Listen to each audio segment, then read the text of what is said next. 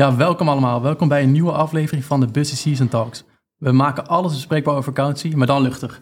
We delen ervaringen, tips en leuke verhalen. We blikken terug en kijken vooruit met studenten, accountants, bestuurders, toezichthouders, eigenlijk gewoon iedereen met interesse. Mijn naam is Jeffrey Heerschop en samen met Leo Veldhuizen hebben we een buitengewoon inspirerende gast die we vandaag gaan spreken. Zeker, en dat is uh, Bart Jonker van uh, Grant Thornton.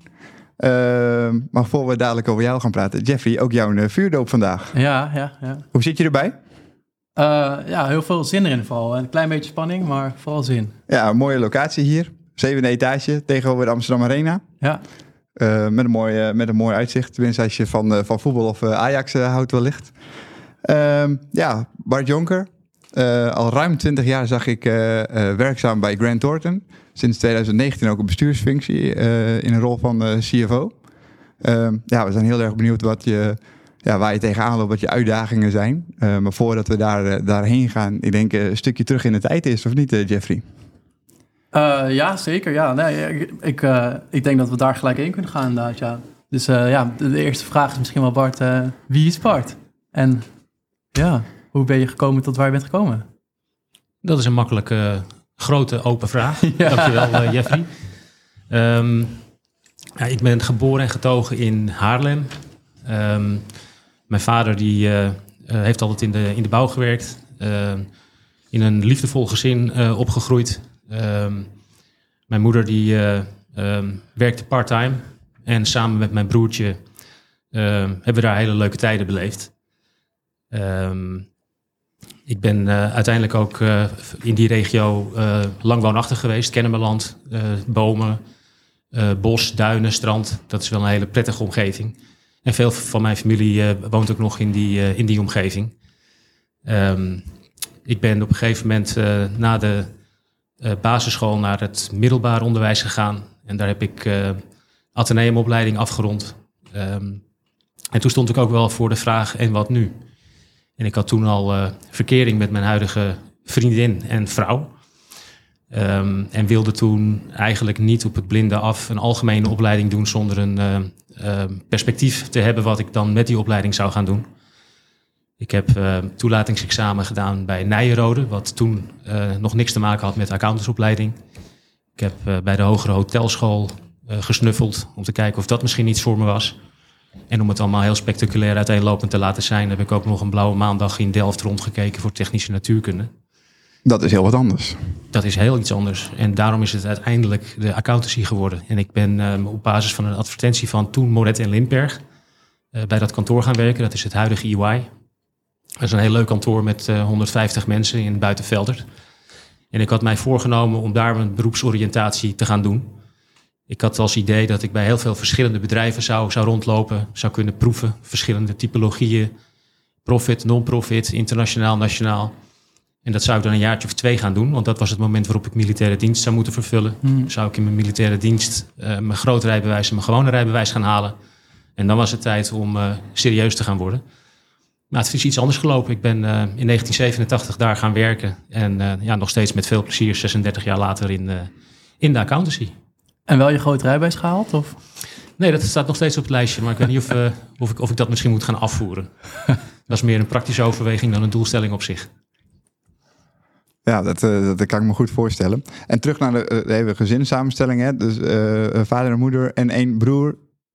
Ja. broer. Ja, hij is um, inmiddels 1,98 meter, dus een stukje groter dan ik ben. Maar hij is drie jaar jonger. Aha, um, oké. maar ja. inderdaad één, één broer. En, en, en, en hoe zijn jullie opgevoed? Zijn er bepaalde normen en waarden ook meegegeven?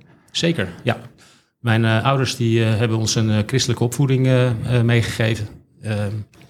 Ehm, ik heb wel ergens onderweg besloten niet actief te, praktiserend te, te zijn. Ehm, maar ja, dat heeft zeker wel een belangrijke invloed op ons, op ons gehad. Um, en mijn ouders, zeker mijn vader, die hebben altijd gezegd van probeer gebruik te maken van de mogelijkheden die je krijgt. Uh, een opleiding is iets wat voor mij nooit weggelegd is geweest. Ik heb die kans ook nooit gekregen. Dus studeer, zorg ervoor dat je papieren hebt. Um, want dat verzekert je toekomst. En zorg er ook voor dat je leuke dingen doet. Maar dat, is, dat zijn wel dingen die, die ik meegekregen heb. Ja, dus echt wel gestimuleerd om, om, om, om door te gaan, door te studeren. Uh, eigenlijk maximaal eruit te halen wat, er, wat erin zit wat dat betreft. Zeker. Ja, met name ook het vergelijken met de eigen situatie. Ik heb die kans nooit gekregen. Jij krijgt ze wel en we willen graag dat je, ja, dat je die kans ook, ook benut voor jezelf en voor ons. Ja, en je gaf net ook aan uh, Atheneum uh, gestudeerd uiteindelijk. Hoe, hoe, was je zelf in de klas vroeger? Uh, ik was wel een ondernemend persoon. Ehm, ik, ik heb wel altijd ja, mijn tong op het hart gehad. Dus als ik ergens iets van vond, dan was het soms niet, niet zo verstandig om me erover uit te spreken. Maar ik deed het wel altijd. En dat tekent ook wel wie ik als, als persoon ben. Altijd wel met respect voor, voor de persoon. Maar wel vertellen wat ik ergens van vind als ik denk dat het ergens toe bijdraagt.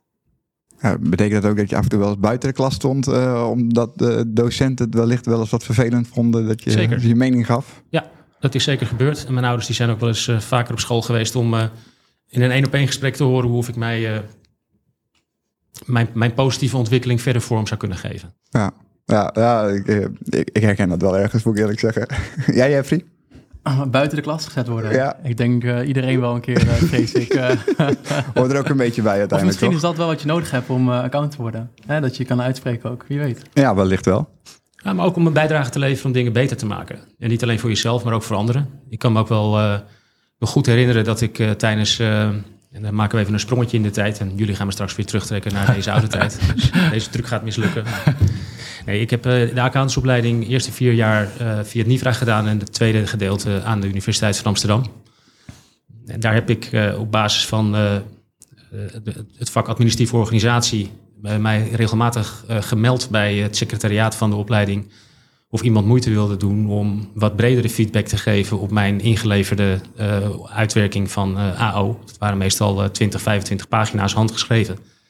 En dan stond er een, een 6 min of een of een 5 plus met drie of vier opmerkingen. En meer was het niet. En daar moest je het mee doen. Ja, succes. Dus ik heb vaak geprobeerd om een bijdrage te leveren aan de positieve ontwikkeling van de opleiding. En dat is ook iets wat, uh, wat ik terugkreeg toen mijn uh, diploma-uitreiking daar was. Want toen is ook wel uh, voor het brede publiek wat op dat moment aanwezig was uitgesproken dat de heer Jonker altijd een actieve bijdrage heeft geprobeerd te leveren aan de ontwikkeling van de opleiding. En dat ze ervan uitgingen dat ze in de komende jaren ook wel een beroep op mij mochten doen om daar invulling aan te geven ten behoeve van de nieuwe studenten die in zouden stromen. Dus ik heb vervolgens ook drie jaar braaf uh, een bijdrage geleverd aan het corrigeren van, uh, van, van, van, van, um, op, van, van de uitwerkingen die, die daar gedaan werden in het kader van de controllersopleiding. Ja, mooi. Maar ook al als student dus. Student deed het ook al. Ja, zeker. Dat is wel interessant, want dan ben je er eigenlijk nog niet voor gevraagd, maar je, je doet het toch al. Hoe, hoe deed je dat dan? Hoe bedoel je? Nou, toen je als, als student daar zat, toch al de opleiding ging verbeteren. Welke Nou, wat ik gedaan heb is mijzelf. Eh, ik, ik, dat, dat was het stellen van de vraag of ik wat meer feedback kon krijgen. Oh, in plaats van alleen een cijfer voor, mijn, uh, voor mijn uitwerking. Ik, ik, ik, had gewoon meer kleur nodig daarbij om dat op een goede manier te kunnen doen. En, en dat is de vraag die ik daar wel eens ben gaan stellen. Ja, oh, goeie. En, en, en waarom had je dat nodig om, om verder te kunnen? Nou, ik denk dat iedereen in de praktijk uh, feedback nodig heeft. en, en als je het niet goed herkent, moet je daar met elkaar het goede gesprek over voeren. En dat is hoe we het ook uh, in, de, in, in, de, in de accountantspraktijk hier bij Grant Thornton doen. Mensen hebben recht op feedback, gevraagd en ongevraagd. En daar moet je ook gewoon tijd voor nemen. En wij doen ook veel aan, aan coaching. Uh, actief onder de aandacht brengen en ook mensen trainen om een goede coach te zijn. Ja, ja dat hebben we in accountancy wel nodig. Want uiteindelijk zijn we altijd aan het leren, uh, is mijn ervaring ook. we staan nooit stil. En momenteel gebeurt er ook wel genoeg in de hele sector. Ehm, dus ja, ook de feedback daarop krijgen is heel belangrijk. Zeker. Uh, ook opleidingen proberen daarop in te spelen. Dus uh, ja, uh, ik denk dat dat, dat het heel goed is. En ook wat je net over vroeger zei. Maar dan toch nog een klein beetje terug naar wat je net zei. Ehm, ja, qua werk hebben we het net een heel klein beetje over gehad. Gaan we straks nog wat op door. Maar wat doe je graag buiten studie, buiten werk om? Toen ik ehm, opgroeide in het gezin, gingen wij in het weekend eigenlijk altijd met de boot weg. Uh, mijn ouders hadden een motorboot. Die had mijn vader zelf uit uh, Engeland overgevaren en een, grote kajuit opgetimmerd met, uh, met kooien waar je in kon slapen. Dus wij waren ieder, ieder weekend wel op het water te vinden. Vrijdagmiddag werden we opgehaald bij, bij school. En dan gingen we gelijk door naar de haven. En om vijf uur ging de brug open en konden we er door. En dan landen we ergens in een rietkraag. En dat was dan het hele weekend buiten. varend in een piraatje op jonge leeftijd. Dat werd daarna een surfplank. Um, dus eigenlijk altijd wel uh, met water uh, opgegroeid. En dat is ook zo gebleven. Ik uh, ben ook lang blijven varen op een, op een surfplank. Inmiddels heb ik een, een sloep. Vind ik ook gewoon heel leuk en lekker om daar in het weekend of op een zomeravond mee op pad te gaan. Ook wat collega's uit te nodigen of met vrienden. Voor mij is het zo, als ik tien minuten op het water ben en ik ben onderweg met dat ding, dan kun je alles van je af laten glijden. Dat is enorm rustgevend. Dan ben je bij wijze van spreken na een uh, avondje even weg te zijn en s'avonds weer terug. Het is net alsof je een weekend achter de rug hebt. Nou, daarnaast vind ik het leuk om te, te golven. Aan de andere kant, ik ben ook heel perfectionistisch. Dus als ik niet veel speel, dan erger ik me aan mijn eigen lage spelniveau. Ik weet dat je het balletje mag oppakken om dan door te lopen, maar dat zit ook niet zo heel, heel, heel erg goed in mijn systeem. Um, is het dan een bepaalde winnaarsmentaliteit die er dan toch uh, in zit? Zeker, ja. Het is perfectionisme. Je wil de dingen gewoon heel goed doen. En als je, ik, ik kan tevreden zijn als ik het maximale uit mezelf haal. Ik hoef me niet uh, te meten met anderen als ik daar niet uh, overheen zou kunnen. Dat ik niet beter kan presteren. Maar ik ben wel teleurgesteld in mezelf als ik niet het maximale daaruit haal. En dat wreekt zich bijvoorbeeld tijdens, tijdens een rondje golf. Ja. Want dan erger ik me aan een, aan een verkeerde afslag of een gebrek aan concentratie. En was het perfectionisme dan ook een beetje die feedback die je dan vroeger graag wilde op die uh, uitgebreide AO-opdrachten? Ja, het is het maximale uit jezelf willen halen. Uh, en dat manifesteert zich inderdaad in dat soort verschillende uh, karaktereigenschappen. Maar hoe weet, je, hoe weet je wat je max is? Het kan ook wel gevaar zijn als je daarin telkens misschien door wil gaan. Um, dat is een goede vraag. Ik, ik, ik heb nooit voor mezelf het gevoel gehad dat er als ik, als ik maar goed genoeg mijn best doe en vaak genoeg train, uh, dan weet ik op een gegeven moment ook wel wat mijn, wat mijn max is. En zeker bij golf, als je het een tijdje doet, dan weet je wat je kunt. En dat is in mijn geval uh, misschien uh, een keer handicap 24. Oké. Okay. maar als je dan vervolgens een aantal periodes niet speelt en daarna ga je weer spelen en je slaat de ballen alle kanten op, behalve de goede, dan weet je dat dat niet dat niveau van handicap 24 is. Dus en grenzen verleggen, want daar doe je ook een beetje op. Dat, nou, dat is iets wat we met z'n, met z'n allen ook wel, uh, wel willen doen. Uh, ook ook binnen, binnen, binnen dit bedrijf, maar ook ja, in privé vind ik, vind ik dat leuk. en je zei net, ik ben nog steeds met de vrouw, met de vriendin die ik, waarmee ik vroeger was. Hoe zorg je daar nou ook in een goede, goede balans? Dat is ook een goede vraag. Dat, ik hoor dat ik dat zeg om tijd te winnen. Um, nee, dat, dat, gaat langs natuurlijke weg. Leuke dingen doen met elkaar. Uh, onze, onze kinderen, we hebben twee dochters, die zijn uh, 25 en 27. Dus um, wat je doet is, uh, op het moment dat die kinderen geboren worden, dan, uh, dan verandert je je leven. Je, je, richt het op een andere manier in. Dat is hartstikke leuk. Ze gaan naar school, ze ontwikkelen zich. Ze, ze, doen allerlei sporten, dus je privé situatie transformeert in een taxibedrijf. Vervolgens worden ze zelfstandig en waaien ze uit. Eentje woont samen, ander is getrouwd. Ze zijn inmiddels opa en oma van een kleinzoon. Dat is ook hartstikke leuk. En elkaar op die manier uh, meenemen in de dingen die je doet. Vertellen over je, over je werk, over je activiteiten, waar je plezier in hebt. Um, lekker op vakantie gaan, maar ook gewoon genieten van, van elkaar en thuis zijn um, en leuke dingen doen. En ze zeggen wel eens dat opa en oma worden het, het, het, het helemaal veranderd en dat het het allermooiste is. Nou, ik, ik, ik, zeg wel eens, het is bijna jammer dat je er eerst kinderen voor moet krijgen. Oké. En, en, en, en wat je kinderen hebben gedaan, herken je daar ook iets van jezelf in? Ja, ja. Het zijn uh, meiden om trots op te zijn en dat zijn we ook. Uh, en die, die zetten op hun eigen manier ook stappen. Dat ze onderzoeken waar ze goed in zijn, wat ze leuk vinden vooral. Dus ja, daar is best wel veel in, in, in, in terug te zien van, van ons. Niet alleen van mij, maar ook van, van Sandra. Ja, uh, uiteraard. En, en kun je dus een voorbeeld van noemen waarvan je denkt van ja, oké, maar ja, dit herken ik echt wat wij of, of ik vroeger ook deed. Een van de dingen die ik ben gaan doen um, nadat ik bij Moretta Limperg werkte, is een, een, tijdje in de sportindustrie werken bij, bij Umbro als, als financieel directeur. Dus een bedrijf dat gaat over shirtjes, broeken, kousen, inkoop, verkoop, groothandel. En onze jongste dochter werkt ook in zo'n omgeving. Um, en als ik zie hoe zij omgaat met de situaties die ik in mijn periode in een soortgelijk bedrijf heb meegemaakt, dan uh, moet ik daar soms hartelijk om, uh, om lachen. En dan zeg ik wel eens tegen haar van joh, maak je daar niet druk om. Dat heb ik heel lang geleden ook gedaan, maar het lost helemaal niks op. Dus, hey, en heb je daar toch wat, wat grijze haar uiteindelijk voor nodig om je daar voor dat soort zaken misschien wat minder druk te maken?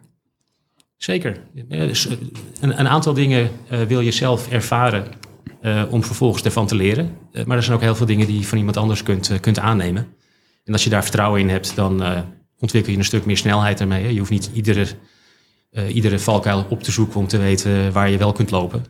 dus het is een gezonde combinatie van zelf dingen uitvinden en goede raad van anderen aannemen of daar vertrouwen in stellen. Ja, mooi. Ja, mooi. Vooral ook, je gaf net ook aan hè, dat ze bezig zijn met de zoektocht van wat wil je. Hoe, hoe is dat voor jou gegaan? Hoe ben je dan uiteindelijk bij, bij die accountancy beland? Nou, ik vertelde dat ik uh, technische natuurkunde, hogere hotelschool en Nijrode had afgewogen. Uiteindelijk besloot ik uh, mijn beroepsoriëntatie voort te zetten bij Moret en Limperg. 20, 22 klanten die ik in, in, in het eerste jaar bediende.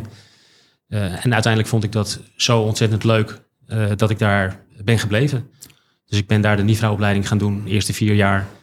Ik heb daar ehm, ook wel veel examens dubbel moeten doen. Dus ik heb wel uh, moeite moeten doen en hard moeten werken om, om mijn ritme te vinden.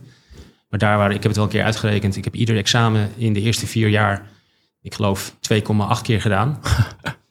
maar in het tweede deel, dus het algemeen deel wat ik uh, aan, de, aan, de aan de Universiteit van Amsterdam ben gaan doen, is het eigenlijk uh, heel snel en goed gegaan.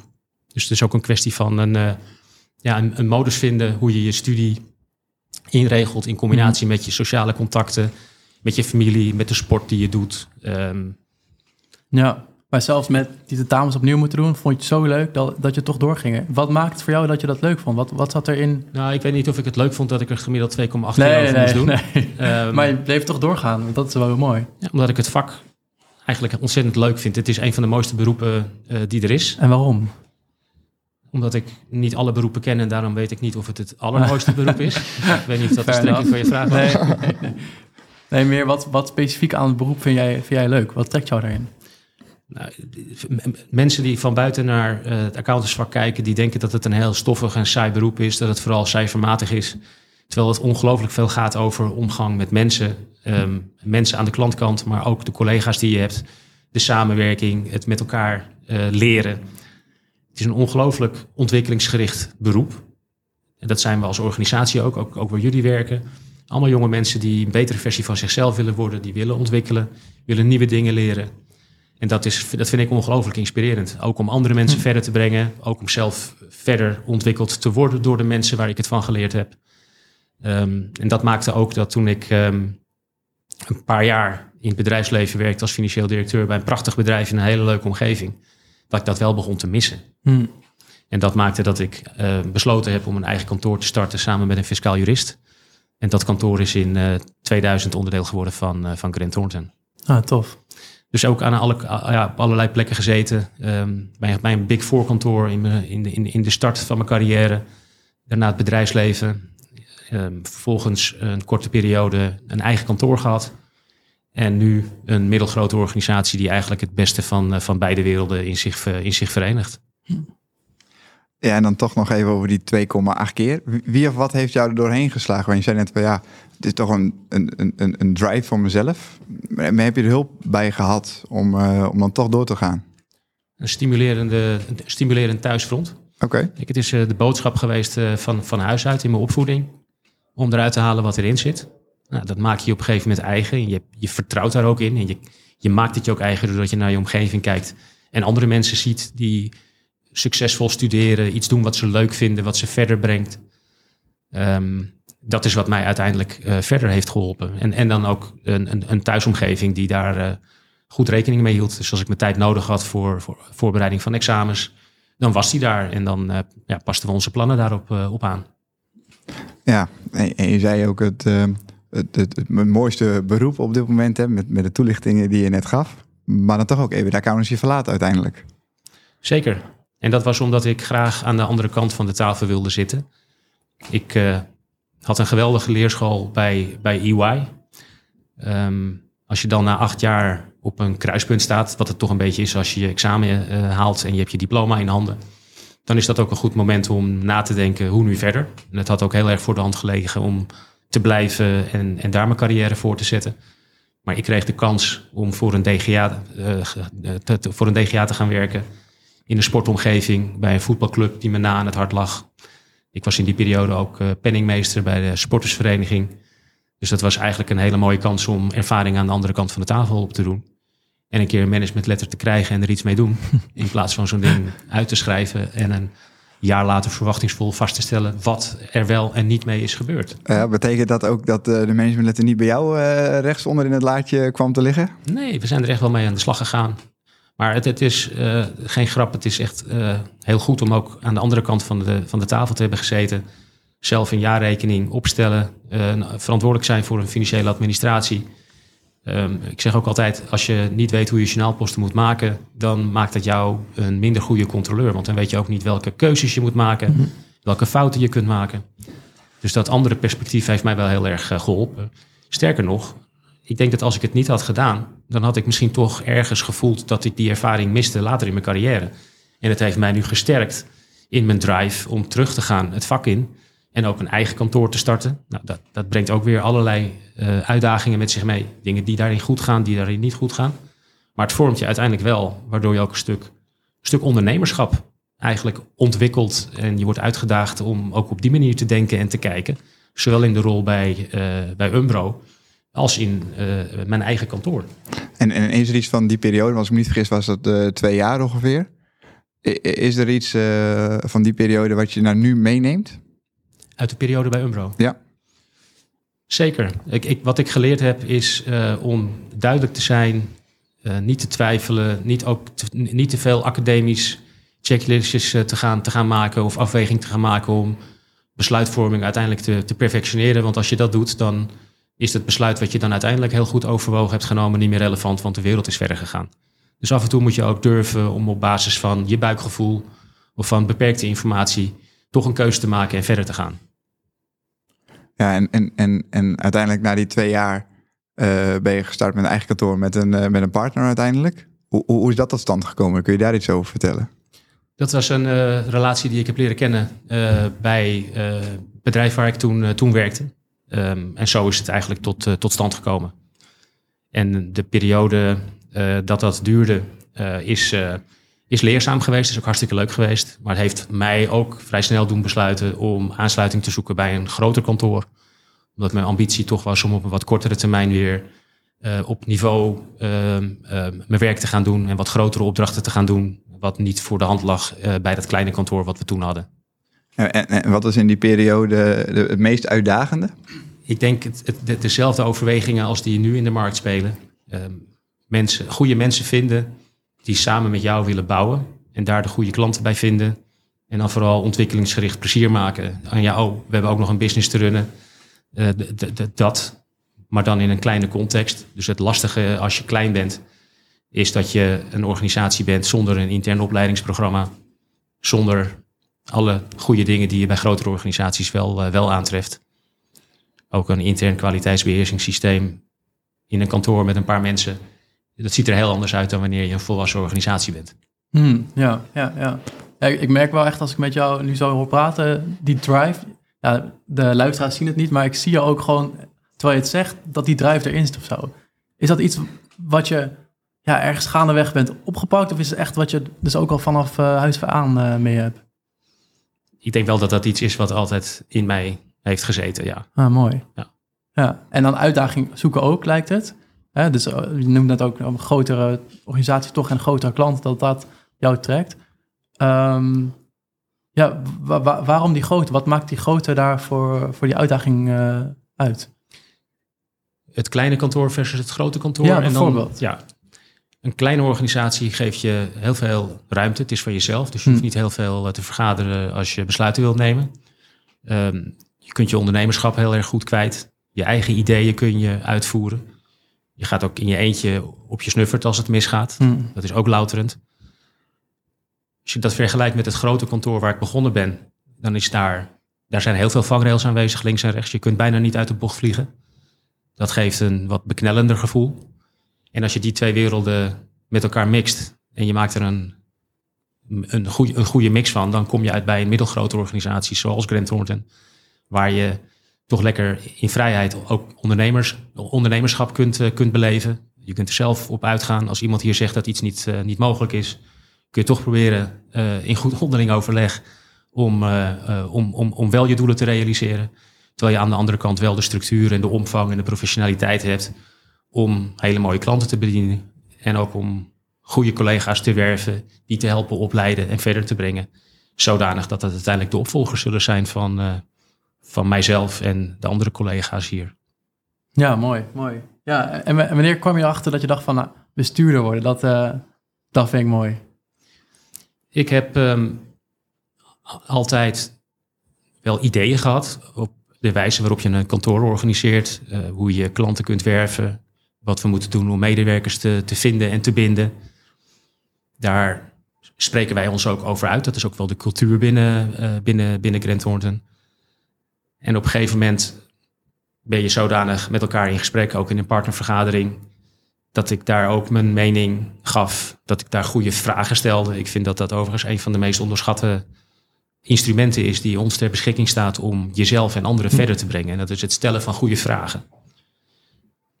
En op het moment dat je dat, je dat, dat doet en je merkt dat je de organisatie verder brengt, dan ontstaat ook de ambitie om onderdeel te worden van het bestuur. En het stellen van vragen betekent ook dat de opleiding daarin ook nog meer kan doen? Of, of het beroepsveld? Of hoe, hoe, hoe zie je dat als je dat onderschat vindt op dit moment? In discussies hoor je heel vaak mensen uh, meningen uitwisselen, standpunten uitwisselen. Hmm. Terwijl de interesse in, het, in, in, in, in je gesprekspartner waarom iemand een bepaald standpunt heeft en dat uitvragen, gericht op het willen begrijpen, jezelf verplaatsen in de situatie van een ander, dat, kun, dat kan je bij elkaar brengen. Mm of het kan bevestigen uh, dat je uiteindelijk een andere opvatting hebt. Maar dan is dat wel op basis van wederzijds respect en uh, interesse in de achtergronden van die, uh, van die standpunten. Mm -hmm. En als je dat niet goed genoeg doet, dan blijft het bij meningen uitwisselen, zonder dat je uiteindelijk de, ja, de, de oorzaak ervan aanpakt. Ja, en, en, en, en, en hoe, hoe heb jij dat ontwikkeld, die nou ja, techniek mag ik denk ik, mag ik denk ik noemen? Het is ik heb daar geen, geen, geen opleiding voor gehad. Ik heb gewoon gemerkt dat als je belangstellend vragen stelt, waardoor iemand die de vraag krijgt ook heel goed aanvoelt in welke richting dat dan gaat, dan merk je dat dat een hele prettige manier is om samen verder te komen. En bijvoorbeeld besluiten te nemen, uh, keuzes te maken. Dus het is iets wat ik uh, ongetwijfeld ook uit mijn omgeving heb, heb, heb waargenomen dat dat, dat dat heel erg effectief kan zijn. Je kunt het ook uh, zien als je uh, bepaalde journalistieke programma's uh, kijkt op televisie. Um, ik denk dat het daar vandaan komt. Ja, en dat een stukje natuurlijke nieuwsgierigheid ook eindelijk. Wellicht met die drive waar we het eerder over hebben gehad tijdens dit, dit gesprek. Zeker. Ja, mooi. En ik vroeg me ook af, die nieuwsgierigheid, hè, want we merken denk ik, zoals je net zei, ik merk dat zelf ook wel een beetje, dat we vooral luisteren om dan de ander daarna weer te proberen te overtuigen. Is het ook iets wat je uh, in de organisatie zelf, binnen Grant Thornton bijvoorbeeld, heel uh, aandacht aan besteedt om alsnog wel mee te geven? Want niet iedereen is misschien zo gelukkig om het allemaal al meegekregen te hebben. Uh, hoe, hoe doen jullie dat? Door mensen aan te moedigen om, om dat te doen. Om, om nieuwsgierig te zijn, benieuwd te zijn, interesse te hebben in elkaar. En vanuit die gezonde interesse onbevooroordeeld de vragen te stellen die iemand bij je, bij je oproept. Of als het over een bepaald onderwerp gaat waar je over in gesprek bent. Om dan op die manier um, daarmee om te springen. Oké, oké. Dan kunnen, kunnen mensen ook gewoon zo jouw kamertje binnenlopen om dan uh, jou een paar vragen te stellen. Ik zag toevallig dat op de website stond wel jouw e-mail gewoon voor iedereen op te zien. Dus dat vond ik eigenlijk wel iets heel moois. Ja. ja. wij hebben nooit drempels in, in kamers. Dus feitelijk is dat altijd mogelijk om ergens binnen te lopen. Uh, je merkt ook dat uh, niet iedereen dat automatisch doet. Als je hm. pas ergens bent komen werken, je bent een junior, ja. dan voel je, de, ondanks het feit dat hij er feitelijk niet is, wel dat er een drempel is. Maar door jezelf ook open te stellen voor anderen, uh, geïnteresseerd jezelf voor te stellen en naar de ander te vragen die net bij je is komen werken, geef je ook zelf het goede, het goede voorbeeld. En dat maakt dat mensen vervolgens ook makkelijk bij jou naar binnen stappen als ze uh, een, een, vraag hebben. Ja, tof. Net hebben we het uh, gehad over de vragen stellen en, ehm, en de drive die je hebt en de natuurlijke nieuwsgierigheid, zeg maar. Hoe zie je jouw rol als leider binnen de accountancy of binnen GT? Nou, ik voel me wel heel erg bevoorrecht dat ik de positie en de mogelijkheden heb die ik heb. En dat heb ik te danken aan de mensen die mij hebben opgeleid, die mij hebben doen, doen inspireren. Ik vind het heel erg belangrijk om op dezelfde manier naar de jongere mensen op te treden, omdat ik me realiseer dat zij op die manier naar mij kijken. Mhm. En niet iedereen hoeft over te nemen wat ik doe. Wat vooral belangrijk is, is dat de mensen kijken naar de managers, de partners om hen heen. En zich dan actief interesseren van, goh, Leo, ik vind dat jij dit heel erg goed doet. Dat zou ik graag van jou willen leren. En Jeffrey, ik heb jou meegemaakt in die en die situatie. Dat vond ik wel heel tof hoe jij toen zelf ook reageerde. En dat soort dingen, bewustzijn dat je die dingen die je van anderen ziet, graag zelf over wilt nemen. En dat je die combineert met je eigen talent. En dat je daarmee je unieke zelf bent en ook weer een voorbeeld wordt voor anderen. Dat is waar ik wel heel warm van word. En was er een bepaald moment waarvan je dat besef kreeg van nou, nu, kijken mensen ook op zo'n manier eh, naar mij? Het is niet van het een op het andere moment geweest, maar je gaat je op een gegeven moment wel bewust worden daarvan. En dan moet je zelf ook open voor staan. Dus als jij tussen, tussen mensen zit en je spreekt met ze, dan ga je vanzelf merken op wat voor manier ze naar jou kijken, met welke vragen ze naar je toe komen. En met welke vragen ze misschien niet bij mij komen, maar wel bij een ander. En het daarover hebben met elkaar en daar aandacht voor hebben, dat maakt dat je ook zelf een mooie ontwikkeling kunt, uh, kunt doormaken. Ja, en, en, en net gaf je ook aan, uh, ik ben ook geïnspireerd door bepaalde personen. Zou je daar eens een voorbeeld van kunnen noemen wie jou uh, heel erg heeft geïnspireerd om te komen tot wie je nu bent? Nou, ik heb de periode dat ik bij, bij Umbro werkte wel als heel inspirerend ervaren. Het is toch echt een ondernemersomgeving en dan niet de ondernemer als klant. In mijn periode bij Moretta Limberg hadden we ook zeker DGA's als klant. Maar die maak je dan toch als je assistent accountant bent in de rol die ik had. Op een andere manier en korter mee dan wanneer je daadwerkelijk onderdeel bent van zo'n organisatie. En als er dan onderhandeld moet worden of er moeten ruige beslissingen genomen worden. En je ziet hoe daar een uh, gepokt en gemazelde ondernemer mee omspringt. Dan is dat wel iets om een mooi voorbeeld aan te nemen. Dat kan ik me goed voorstellen. En nu ben je toch ook weer bestuurder en CFO. We hebben het eerder gehad ook over die managementletter. Die krijg je nu denk ik ook uh, uh, Zeker. uiteindelijk voor je om te bespreken. Ja. Onze externe accountant die uh, maakt een goede managementletter en een mooie accountantsverslag. Ja. Dus daar gaan we ook op een, op goede manier mee om. En we richten het, het opdrachtgeverschap van de accountant ook, ook goed in. Daar heeft onze raad van commissarissen een belangrijke rol. En het is mooi om ja, daar onderdeel van te zijn. Ja, want ik weet niet of dat bij ook was, maar nu heb je ook een raad van commissarissen. Ja, wij hebben een raad van commissarissen. Die uh, hebben we al langere tijd. Uit de periode dat wij als organisatie ook een OOB-vergunning hadden. Wij hebben begin 2019 besloten om de OOB-vergunning om te zetten in een reguliere vergunning. En tegelijkertijd hebben we besloten dat wij nul concessies wilden doen op het gebied van kwaliteit. En een van de onderdelen van het kwaliteitsstelsel bij ons is de Raad van Commissarissen. Ja, en over die uh, commissarissen. Uh, als ik me niet vergis, ben je ook bij de Governance University betrokken. Ja, dat klopt. Kun je daar eens iets over vertellen, over je rol uh, daar? Ja, wij zijn 15 jaar geleden begonnen met het sponsoren van een onderzoek onder commissarissen. Daar doen zo'n 2 tot 300 commissarissen aan mee. Um, en daar wordt ook gebruik gemaakt van de techniek van regressieanalyse. En daardoor kun je aan de hand van het onderzoek vaststellen waarom commissarissen anders antwoorden op dezelfde vraag. En dat je die terug kunt herleiden naar de achtergrond van de betreffende commissaris. Dus een voorzitter zit anders in de wedstrijd dan een lid van de Raad van Commissarissen. En een vrouw kan door haar vrouw zijn andere antwoorden geven dan een man. Net zo goed als dat een commissaris die een financiële bestuursfunctie elders heeft, heel anders aanslaat op het onderwerp riskmanagement dan een beroepscommissaris die niet meer dagelijks uh, aan het roer staat. Mm -hmm.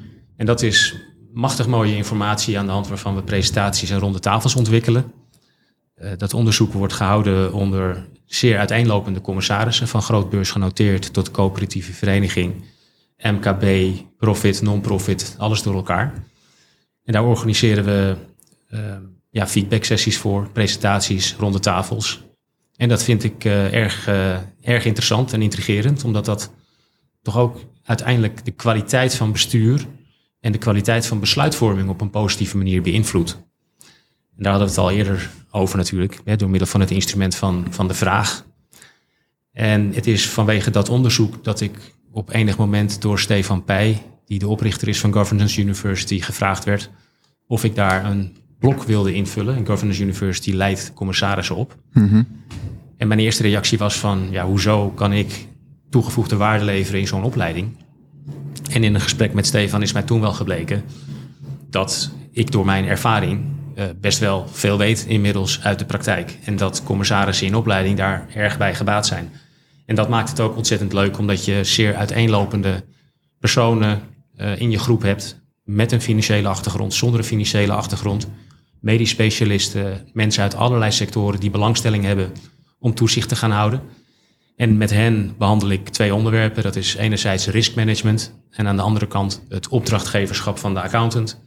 En hoe ongelooflijk nuttig en instrumenteel een accountant kan zijn voor een raad van commissarissen om daar die toezichthoudende functie op een goede manier in te vullen. Mm Ja, dat kan ik me goed voorstellen, want uh, uh, dan heb je toch ook over bepaalde informatie die commissarissen moeten ontvangen, die ze misschien niet van de bestuurder krijgen, maar wel van de accountant.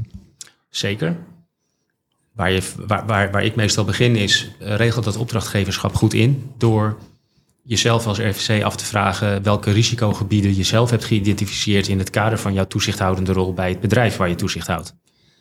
En op het moment dat je die risicogebieden in kaart hebt gebracht en je hebt ze uh, geprioriteerd, ga dan daarna eens met de accountant in gesprek om die te bevragen op risicogerichte controleaanpak. Waar kijk je wel naar, waar kijk je niet naar?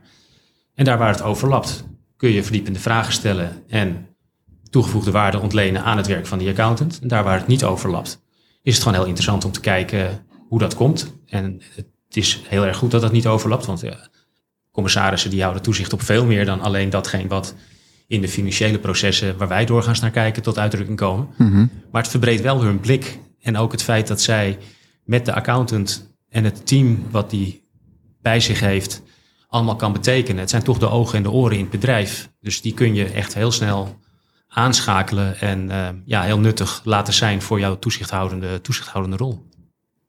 Ja, mooi, mooi. Ja, eigenlijk ook een mooie manier voor jou om, om jouw kennis en ervaringen ook uh, daarin uh, meer te delen, denk ik. En... Ja, terwijl vooral voorop staat voor mij is het, het plezier wat je bezorgt bij de deelnemers en de ja. vragen die je krijgt, waaruit je af kunt leiden dat zij er ook echt wat aan hebben. En dat inspireert mij ook weer. Is dan ook gelijk een soort pleidooi voor diversiteit door die verschillende groepen die je hebt met verschillende blikken? Is dat ook iets dat hierin zit? Ik vind het heel erg leuk als daar uh, vooral niet-financials zitten, hmm. uh, die vanuit hun eigen achtergrond uh, mij ook dingen bijbrengen. Hun manier van kijken, hun manier van, van vragen stellen. Ja, mooi, mooi. Ja. Nou, ik, ik zou graag een klein stukje reflectie willen doen. ik denk dat het mooi om nu dat onderwerp van heel veel ervaring zitten. Als je terugkijkt naar nou, toch best wel een hele mooie carrière al. Zijn er bepaalde uitdagingen of obstakels waar, waar je echt moeite mee hebt gehad die je wil delen?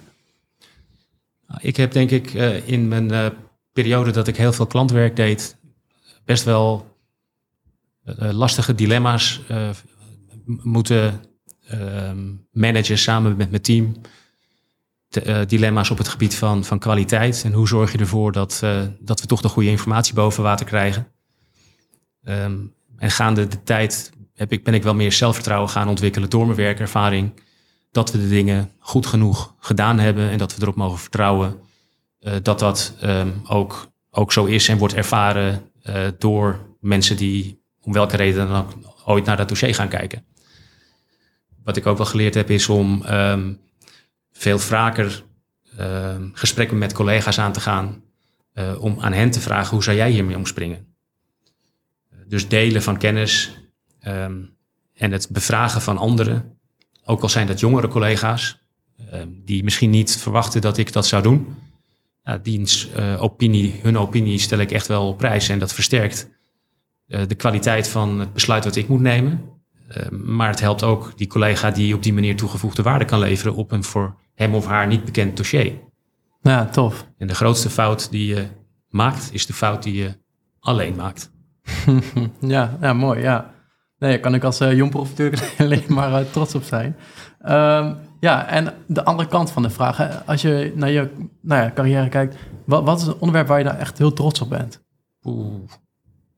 Ik weet niet of er één onderwerp is waar ik heel erg trots op ben. Okay. Ik, ben uh, ik ben trots op, op, op Grant Thornton en op de mensen die hier werken. Ik heb een aantal mensen hier jong zien starten, homegrown die we uiteindelijk benoemd hebben tot, uh, uh, tot partner. die zelfstandig klantenportefeuilles draaien. Ik zie zij-instromers, die zowel bij grote kantoren als bij middelgrote kantoren vandaan komen. Die met hun kennis en ervaring uh, ons hebben opgeschud, zo links en rechts. Dus daar is, daar, daar is zij-instroom erg instrumenteel voor. En dat bij elkaar maakt dat ik, uh, ja, dat, ik, dat ik daar trots op ben. En dan gaat het niet alleen om de, om de accountants, maar ook om de fiscalisten en de adviseurs. Dat we een enorme lerende organisatie zijn, waar werkplezier uiteindelijk ook uh, groot is en positief wordt, uh, wordt ervaren. En dat is ook iets waar we met z'n allen proberen een goede bijdrage aan te, aan te leveren. Moet uiteindelijk niet te veel op werk lijken wat we met z'n allen aan het doen zijn hier. nee, mooi, ja, niet te veel nee. Maar um, ja, eigenlijk haal je al die zijinstroom in. Vind ik ook een heel interessant onderwerp. Het is natuurlijk op dit moment heel veel krapte op de markt ook. En ik las ook in jullie uh, jaarverslag dat, uh, nou, dat jullie een uh, werkgeverspropositie hebben aangescherpt. En ook met succes, merk, denk, merk ik. De instroom is toegenomen. En er staat ook dat jullie onder andere de medewerkers centraal stellen. Maar ja, hoe doe je dat dan? Wat houdt dat in? Dat houdt in dat wij mensen sneller vrijheid en verantwoordelijkheid geven en er zijn nog steeds, wees gerust, uh, vangrails links en rechts, uh, zodat we niet met z'n allen uit de bocht vliegen. Hm. Maar dat we mensen toch eerder loslaten en de ruimte geven om hun eigen invulling te geven aan de rol die ze bij ons vervullen. En dat kan doordat we gemiddeld genomen misschien wat kleinere klanten hebben dan de, de echt grote kantoren. Waar sommige mensen misschien de helft van een, van een jaar bij één klant betrokken zijn, is het bij ons allemaal iets overzichtelijker en tegelijkertijd nog steeds hartstikke interessant en complex wat klanten van ons verlangen. En daarin proberen we mensen toch iets eerder ruimte te geven om te ontwikkelen. Uh, en ook uh, op hun neus te gaan, bij wijze van spreken. En dan helpen we ze opstaan en gaan we weer verder. En wij op onze beurt luisteren ook goed naar, naar mensen als ze zelf goede ideeën hebben ten aanzien van de invulling van, van hun rol of de vragen die ze aan ons stellen. Dat is een beetje het, uh, het concept. Mensen ja, moeten het allerbeste uit zichzelf willen halen en uit elkaar willen halen. En wat is dan het belangrijkste advies wat je de, de aspirant-accountant, zeg maar, de, de, de young prof zou geven? Ja, blijf nieuwsgierig, blijf vragen stellen en blijf jezelf afvragen in welke richting en in welke mate je jezelf nog kan ontwikkelen en wat je in dat kader ook voor anderen kan betekenen. Ja, dat antwoord verrast me eigenlijk niet op basis van het gesprek wat we zojuist hebben gehad. Gelukkig, dan zou het ook gek zijn. Zeker, zeker. Uh, en als je kijkt naar je eigen carrière, heb je daar nog bepaalde toekomstdromen of, of, of, doelen die je graag zou willen bereiken? Ja, waar gaat jouw drive heen? Ik ben nu um, lid van het bestuur. Uh, we hebben met de organisatie een. Uh, de, de, de, de, markt is in beweging om ons heen op dit moment. Dus het zijn in die zin spannende tijden. Ehm, en ik zou zelf in de komende jaren samen met mijn collega's willen kijken in welke richting en hoe ver we de ontwikkeling van, van Grant Thornton kunnen, kunnen brengen. We zouden heel graag een, um, een stevige top 10 speler zijn met een goede reputatie, waar kwaliteit voorop staat. En kwaliteit vanuit verschillende perspectieven. Um, en vanuit het klantperspectief is dat toegevoegde waarde en een goede invulling van, van de rol die we hebben. Als ik dan verder kijk, bij ons is het zo dat bij de leeftijd van 60 uh, dan um, treed je uit. Dan eindigt de aansluitingsovereenkomst, zoals we dat uh, technisch noemen. En dan zou ik graag zelf ook mij verder willen ontwikkelen in de richting van, van toezicht. Uh, dan wel wellicht een bestuurlijke rol in een organisatie, dan wel een combinatie van, van een commissariaat of een aantal commissariaten. Misschien wil ik nog wel dingen in de beroepsgroep doen. Het, het is nu voor mij nog een perspectief van vijf jaar en verder. Um, maar dat is wel iets wat ik op de langere termijn voor ogen heb. Daar waar we in het verleden rond de leeftijd van 60, en dan heb ik het over een verder verleden, dachten, nou dat is een mooi moment om met pensioen te gaan.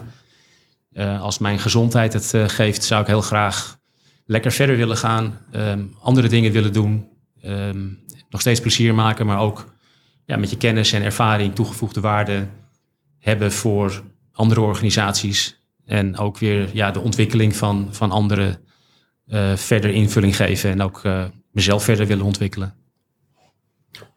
Ja, mooi. En dus ook de ontwikkeling van het beroep je haalde je al een beetje aan. Als we nu kijken, ja, op dit moment het beroep best wel in beweging. Wat is jouw kijk daarop? Waar, waar gaan we heen met z'n allen? Ik denk dat we ehm, best wel een rollercoaster eh, achter de rug hebben. Hmm. Ehm, en misschien zitten we er nog wel in. Het is een beetje afhankelijk van eh, wie je leest, naar wie je luistert en hoe je, hoe, en, en hoe je erop wil reageren. Ik denk dat er ongelooflijk veel gebeurd is op het gebied van kwaliteit. En tegelijkertijd eh, zijn we er als beroepsgroep ook nog niet. Die lat zal altijd hoger gesteld worden. Dus we zullen, en, en we zullen tegelijkertijd ook altijd concluderen dat het, eh, dat het nooit perfect wordt. Dus ehm, er zullen eh, altijd nog eh, fraudes plaatsvinden die onontdekt blijven. Geen materiële fraudes. Discontinuïteit zal zich ook blijven manifesteren. Alleen we moeten ervoor zorgen met z'n allen als, als accountantsberoep... dat wij daar wel de goede dingen gedaan hebben... en dat we ontdekken wat verwacht mag worden van ons als beroepsgroep. Ik denk dat een stukje vertrouwen daarin vanuit het maatschappelijk verkeer... eh, daar ook heel erg belangrijk voor is... Ehm, en ja, ik, ik zie dat de, de beroepsorganisatie op dit moment ook echt goede dingen aan het doen is. Eh, met het eh, beroepsprofiel van de accountant. Ook nadenken over de, de echt lange termijn. Wat is het profiel van de accountant en wat betekent dat? De opleiding tot accountant die grondig onder handen wordt genomen. Waar wordt gekeken hoe die beter kan aansluiten op de ambitie van onze jonge collega's die onze rollen in de toekomst moeten gaan overnemen. Hoe zorgen we ervoor dat praktijk en theorie beter op elkaar aansluit? Nou, dat zijn denk ik hele goede, goede plannen om ervoor te zorgen dat we ook in de toekomst genoeg mensen hebben die dit prachtige vak willen gaan uitoefenen. Nou, dat klinkt wel alsof we nog midden in die rollercoaster zitten. Eh, nog even terug, eh, terugdenken daaraan. Ehm, net had je het ook over eh, kwaliteit, vind je heel belangrijk. We hebben het ook eerder gehad over perfectionisme en, en, en, en nieuwsgierigheid. Als je dan, zoals twee weken geleden ook weer in het FD, de accountancy minder positief in het nieuws komt, laat ik dan toch enigszins positief formuleren. Hoe, hoe, hoe, hoe, hoe raak je dat? Hoe, hoe lees je dat? Ja, je, moet eerlijk, je moet het eerlijk lezen zoals de andere lezers er ook naar kijken. En als dat beeldje niet bevalt, moeten we er zelf een actieve bijdrage aan leveren om ervoor te zorgen dat er anders naar ons gekeken wordt. Het heeft ook te maken met ehm, de wijze waarop journalisten bepaalde verslagen of rapportages lezen of willen lezen. Ehm, Soms ja, wat gekleurd of geframed wellicht. Ja, een krant moet ook verkocht worden. Zeker. Neemt niet weg dat de feiten de feiten zijn. Dus daar moet je, die, die, die mag je ook niet, eh, niet negeren. Mhm. Maar ra- raakt je dat dan als je zoiets leest voor de, Ja. voor de, voor de sector? Ja, dat raakt me. Zeker. En daarna moeten we er de goede dingen mee doen. En als sector in beweging blijven. En nadenken wat het dan verder is, wat we eraan kunnen doen. Om onszelf te verbeteren. Mooi gezegd. Ik kijk ook even naar de klok. Eh, drie kwartier eh, ruim zit erop. Eh, Jeffrey, is er nog iets wat jij eh, heel graag nog zou willen vragen aan Bart? Ehm, nou, in het verlengde van wat net gezegd was, was ik wel heel erg benieuwd van, naar hoe zorgen we dan voor dat ook die goede kant meer toch belicht wordt naar buiten toe. Dat is, ik, nou, ik merk bij mezelf dat is toch denk ik ook wel een uitdaging, want positief nieuws is soms niet aan- aantrekkelijk genoeg. Wat, waar ik heilig in geloof is dat we met alle stakeholders in gesprek moeten gaan. En in gesprek moeten blijven. En als voorbeeld noem ik een, eh, een, een, een, een diner wat, wat, ik, wat ik zelf samen met een aantal anderen organiseerde. eh, voor 15 eh, reguliere vergunninghouders. En daar hadden we een agenda voor bedacht. En de maandag voorafgaand daaraan verscheen in het Financieel Dagblad een uiting van de Autoriteit Financiële Markten waarin ze iets opschreven over kwaliteit in combinatie met private equity. Ik heb toen de stoute schoenen aangetrokken en we hebben de AFM uitgenodigd om daarbij te zijn. En het was fantastisch om te zien dat ze die uitnodiging hebben aangenomen en aanwezig waren bij die bijeenkomst om daar vragen te beantwoorden, maar ook vragen te stellen Nou, mooi.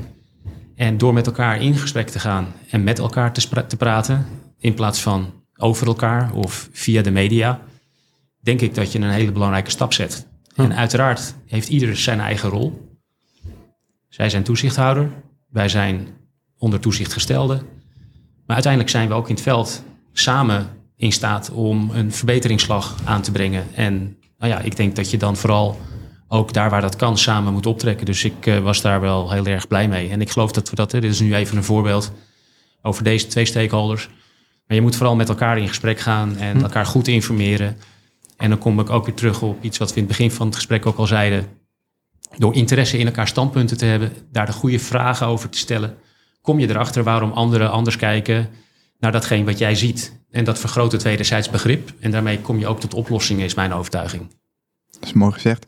Met elkaar in gesprek blijven. Doen er ook een heel klein beetje denken aan ons als uh, busy season uh, talks uh, eigenlijk. Ehm, en voor ik dadelijk de laatste vragen aan jou wil gaan stellen, ook voor onze luisteraars. In september hebben wij samen met Q Concepts hebben wij een bijeenkomst in de, de Goffert in Nijmegen. Samen met onder andere Baas Nijhuis over presteren onder druk. Je kunt je aanmelden ook via de website van Q Customs. Dus wees erbij. Er zijn een beperkt aantal ja, plaatsen beschikbaar. we proberen het ook als podcast daarna te lanceren. Maar ja, zorg dat je er live bij bent. Een uniek event. Ja, Bart, de laatste vraag. We weten dat je een vervent luisteraar bent van de Business Season Talks. Welke, ja, wat was jouw meest inspirerende podcast? Ik, ik, heb een aantal van de podcasts geluisterd en ik vind er veel inspirerend. Maar ik zou de luisteraars van vandaag eigenlijk wel willen aanraden om die over, de, over het slotexamen, was het volgens mij, om, om die podcast eens te luisteren. Uh, daarmee uh, wapen je jezelf goed uh, ter voorbereiding op het examen.